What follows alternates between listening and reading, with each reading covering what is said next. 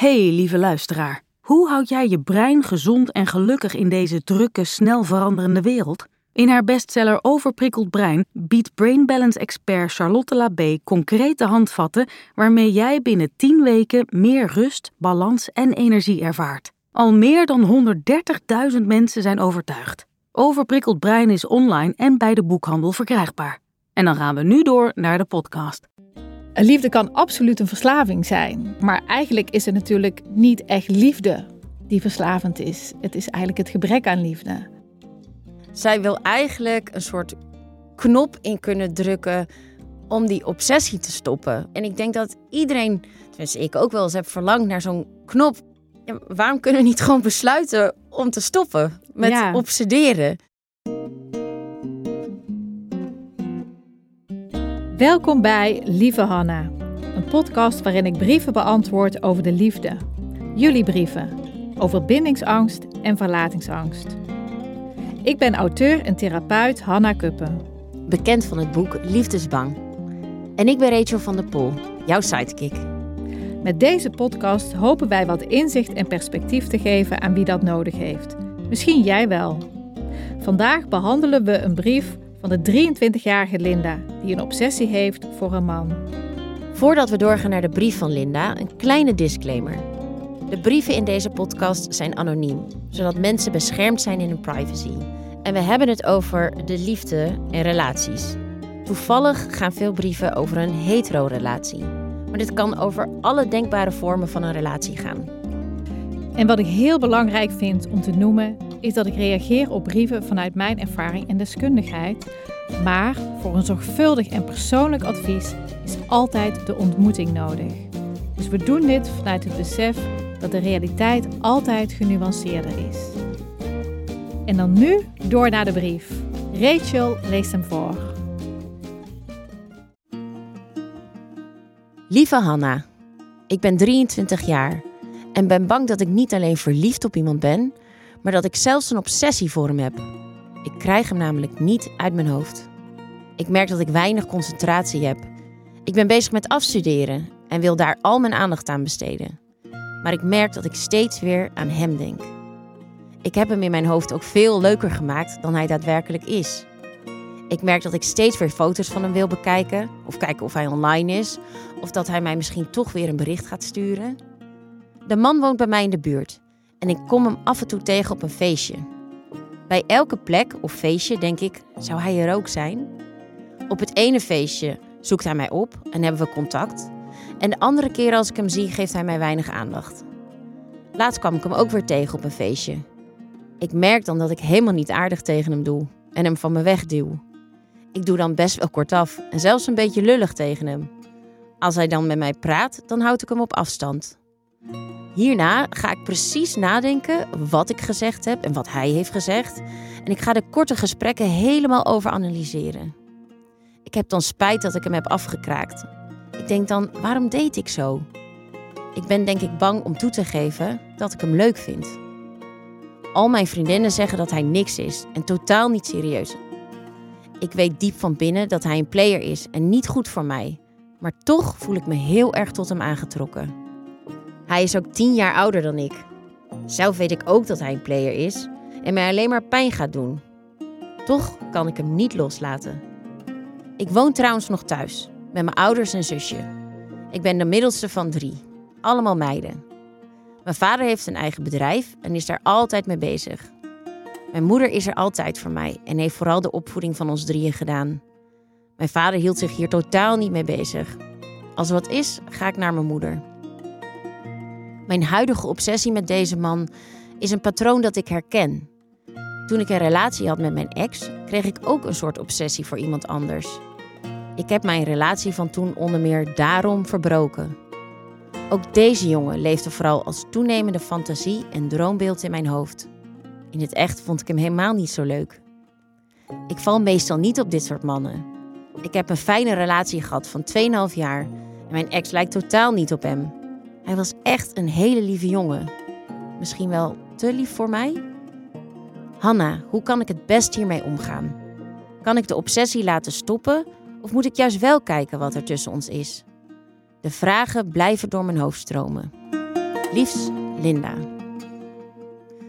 Ja, Ja, ja, een obsessie. ja. Nou, Wat denk jij dat hier aan de hand is? Nou, ik vind het, eh, ik vind het een moedige vraag eh, van haar eh, om hem zo te stellen. En ja, zeker. ze, beschrijft heel duidelijk dat ze heel obsessief bezig is met deze man. En ja, dat, het zijn eigenlijk verslavende gedachten. Dus je zou eigenlijk kunnen zeggen, dit is een vorm van een verslaving. Dat je voortdurend in je hoofd met die man bezig bent. En je zegt hè, een verslaving, dus, dus liefde kan ook een verslaving zijn. Een liefde kan absoluut een verslaving zijn. Ehm, en dat klinkt misschien wel heel tegenstrijdig of heel raar, maar eigenlijk is het natuurlijk niet echt liefde die verslavend is. Het is eigenlijk het gebrek aan liefde.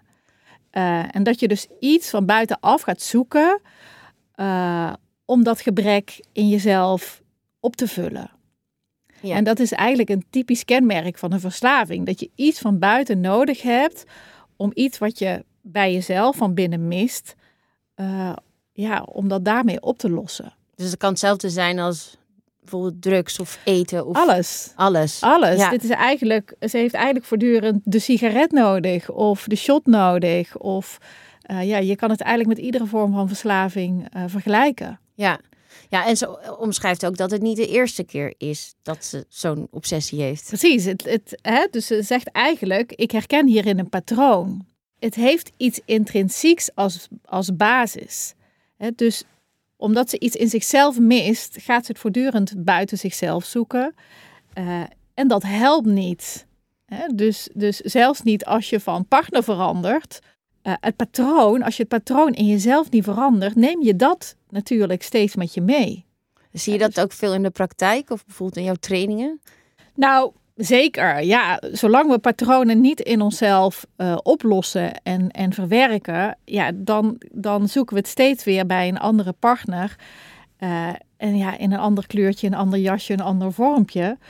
En onze mind kan ons voortdurend eh, voor de gek houden van ja, maar dit is toeval. Hè, dus bij deze man of deze partner. Maar als je dan verder gaat kijken, dan zie je eigenlijk dat dat een terugkerend patroon wordt. En dat, nou ja, daarmee weet je eigenlijk, het zit in mijzelf. Het zit in jezelf. En ik ja. neem mijzelf wel iedere keer mee. Ik ben zelf wel iedere keer weer de, de hoofdrolspeler in mijn eigen film.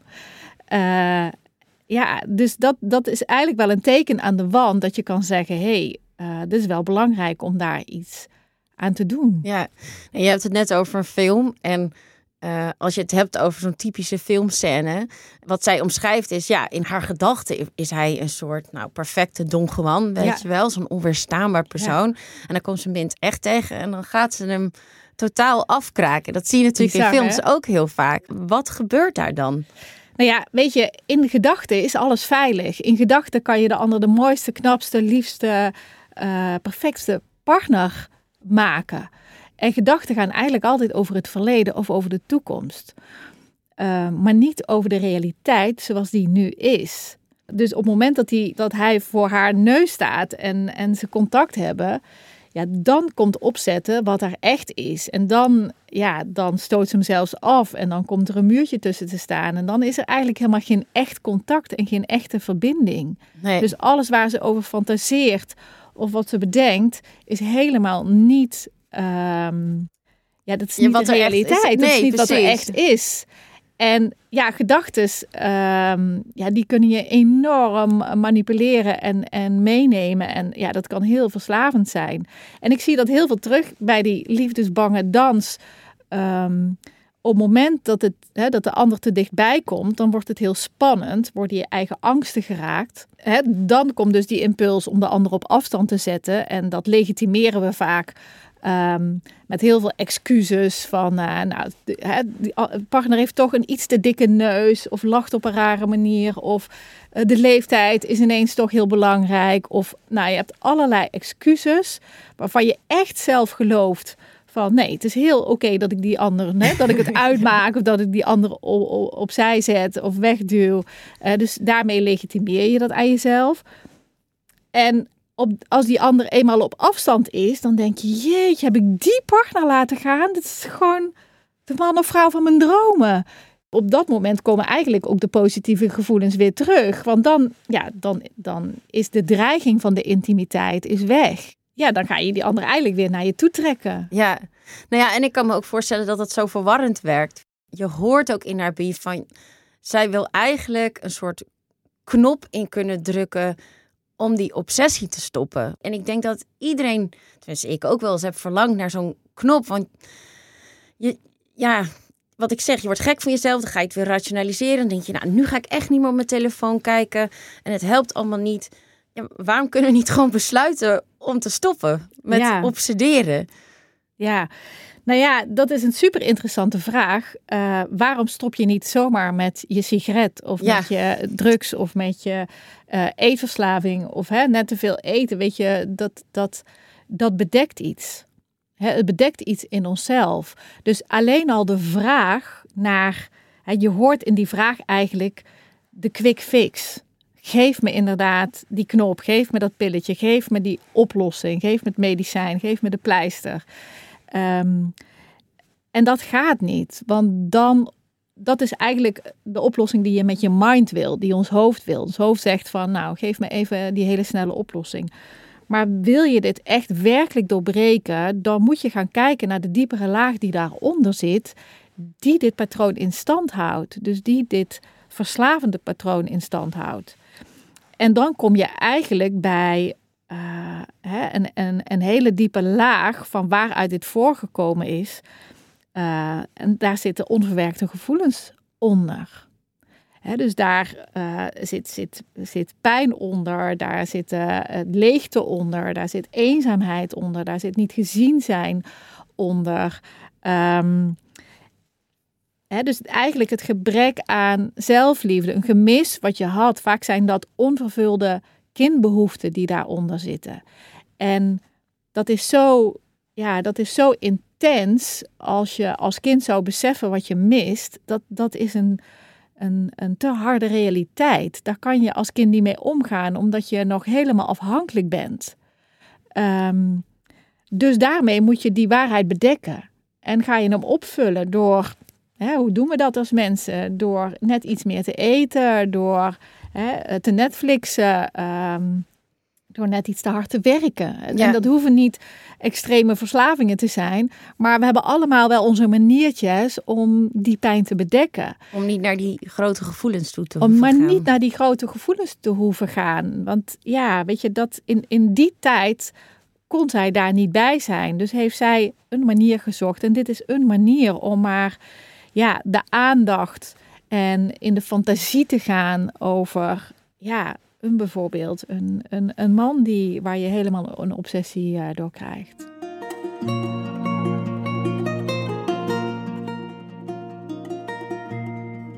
En, en hoe ga je dan eh, nu wel naar die eh, pijn toe?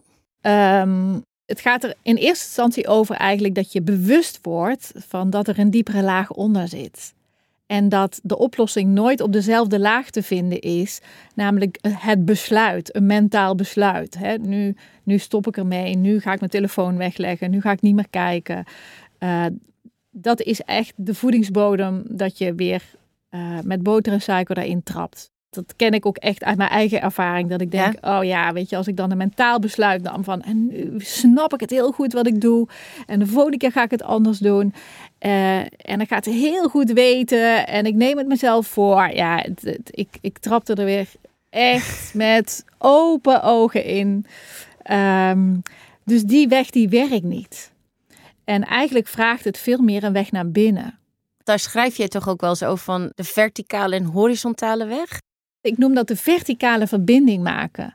Dus we zoeken de oplossing vaak in, eh, eh, ja, hè, zo van ik moet van deze man loskomen. Maar eigenlijk is het veel meer kijken van, hé, hey, waar, waar zit dat patroon in mezelf? En waar zitten die gevoelens waar ik ooit niet bij kom? En dat vraagt echt veel meer de weg naar binnen te gaan en weer daar contact mee te leren maken. En dat kan eigenlijk alleen op een moment dat, dat daar ook voldoende veiligheid voor is. En wat bedoel je daarmee, veiligheid? Ehm, nou ja, kijk, Kijk, op het moment dat het ontstond, was het blijkbaar, had zij niet de interne of externe hulpbronnen uh, om die gevoelens te kunnen reguleren. En daarmee moet je ze gaan bedekken of moet je ze gaan verdoven. En dan komt er een soort beschermer in ons leven, een overlever, die, ja, die jou daarvoor uh, beschermt. Dan hoef je die moeilijke gevoelens niet te voelen. Dus in die periode is die overlever eigenlijk een hele goede vriend. Die zegt van oké, als we dit nou mooi bedekken, uh, dan kun je toch gewoon hè, verder. Je kan volwassen worden, je kan je ontwikkelingstaken allemaal volgen, je kan studeren, noem maar op. Je kan erbij horen. Ja, uh, precies. Um, maar later in het leven, dan worden we getriggerd. Uh, en er dus met een trigger aan herinnerd dat er nog oude pijn ligt opgeslagen. En ja, die je dus als kind niet kon doorvoelen. Die je als kind niet kon doorvoelen. Ja. En vaak op het moment dat je die trigger krijgt, uh, ben je ook in, hele, in een andere fase van je leven. En kan het zijn dat er al voldoende uh, bedding is uh, om die oude pijn wel stapje voor stapje aan te gaan kijken. in haar geval, ze woont nog thuis. Dus dat is natuurlijk nog wel een plek waar mogelijk dit ook patroon ontstaan is. ze heeft het in ieder geval over uh, de relatie met haar vader, die ingewikkeld is en die, nou ja, in ieder geval wat ze beschrijft, dat er weinig emotionele beschikbaarheid is van haar vader. Dus de vraag is of dat in, in deze bedding al kan. Maar ze is natuurlijk wel al uh, wat ouder geworden. Dus, uh, 23 jaar. Daarom. Dus, dus het kan goed zijn dat het hem wel nu een, een mogelijk begin is om met dit proces te beginnen. En soms is het ook heel fijn om daar uh, ja, om daar iets in op te zoeken, zoals een coach of een therapeut of een training. En dan creëren we eigenlijk met elkaar een voedingsbodem, waardoor het veilig is om naar dat voelen te gaan en naar dat ervaren te gaan. Want daar moet je zijn voor de echte oplossing. Ik herken ook wel heel erg, ik, ik ben op mijn 21ste in therapie gegaan bijvoorbeeld. En het is zo'n verschil of je ja, je, je buurvrouw je wat aardige vragen stelt. Of je vader of vriendinnen. Want daar, daar zitten ook nog patronen of schaamte zelfs van, oh, maar als ik me zo gedraag, dan gaan ze vast dat denken. Of als ik dit zeg, dan denken ze vast dat. En dat je dus in een omgeving bent die echt zo mild en veilig voelt, waarin je gewoon dat wat eronder zit echt kwijt kan. Ja, dat is zo belangrijk, want uh, ja, aan de buitenkant, mensen kijken hiernaar en, en mensen die zien echt van, jeetje, zie jij het zelf niet wat je aan het doen bent? Ja. Dat roept bij anderen heel snel een oordeel op. het, het, het staat vaak met zo'n grote letters op de muur dat je denkt, jeetje, laat die man met rust, uh, dit, dit gaat niet goed voor je zijn.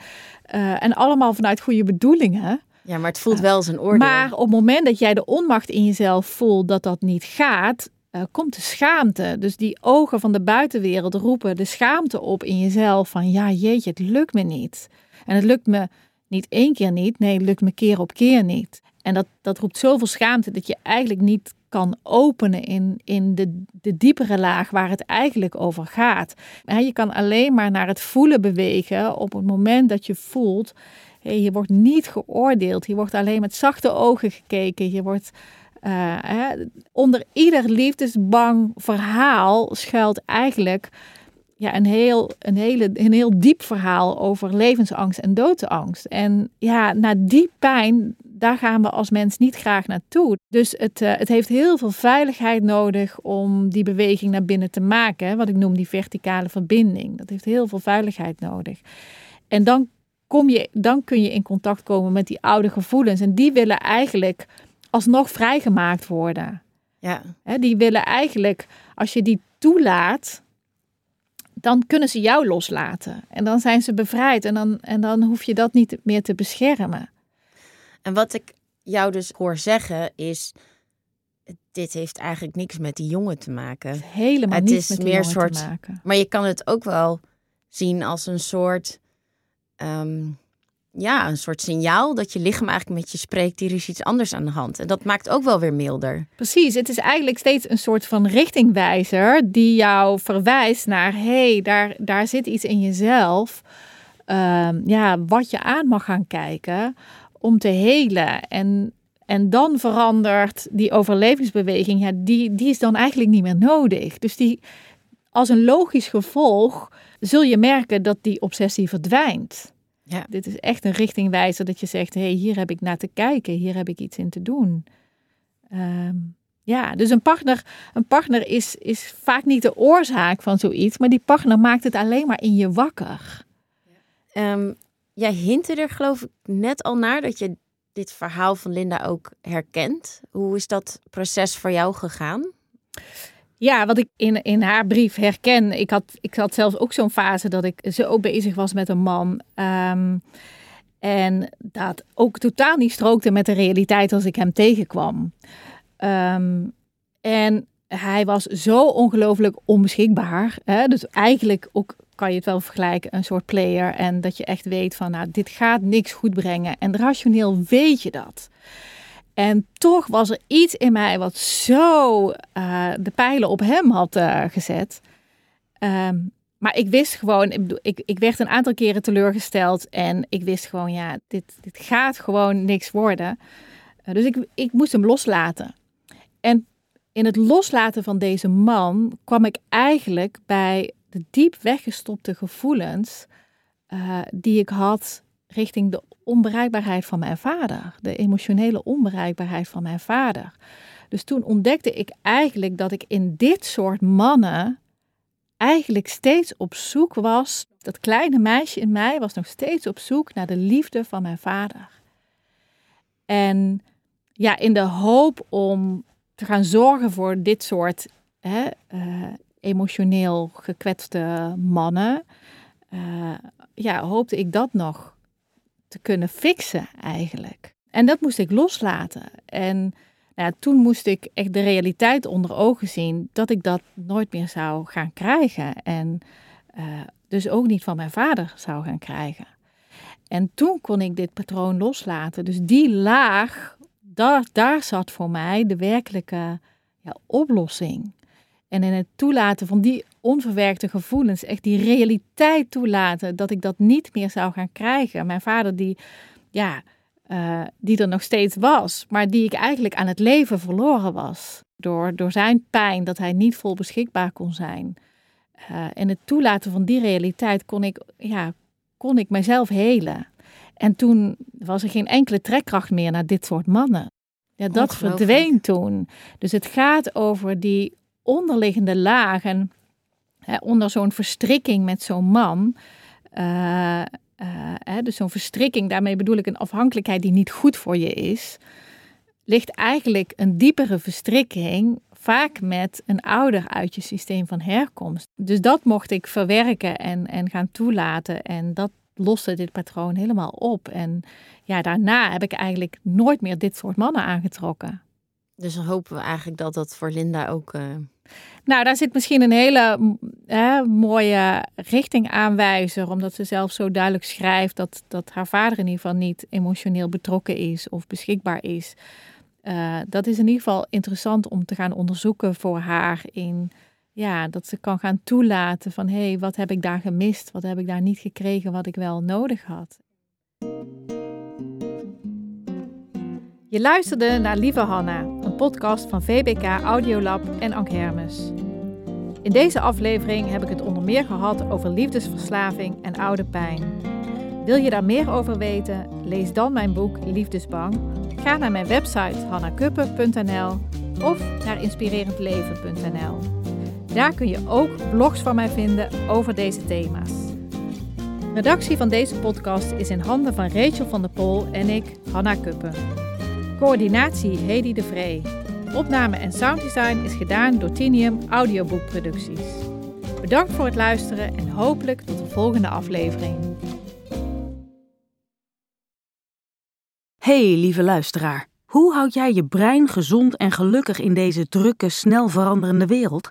In haar bestseller Overprikkeld Brein biedt Brain Balance expert Charlotte Labé concrete handvatten waarmee jij binnen 10 weken meer rust, balans en energie ervaart. Al meer dan 130.000 mensen zijn overtuigd. Overprikkeld Brein is online en bij de boekhandel verkrijgbaar.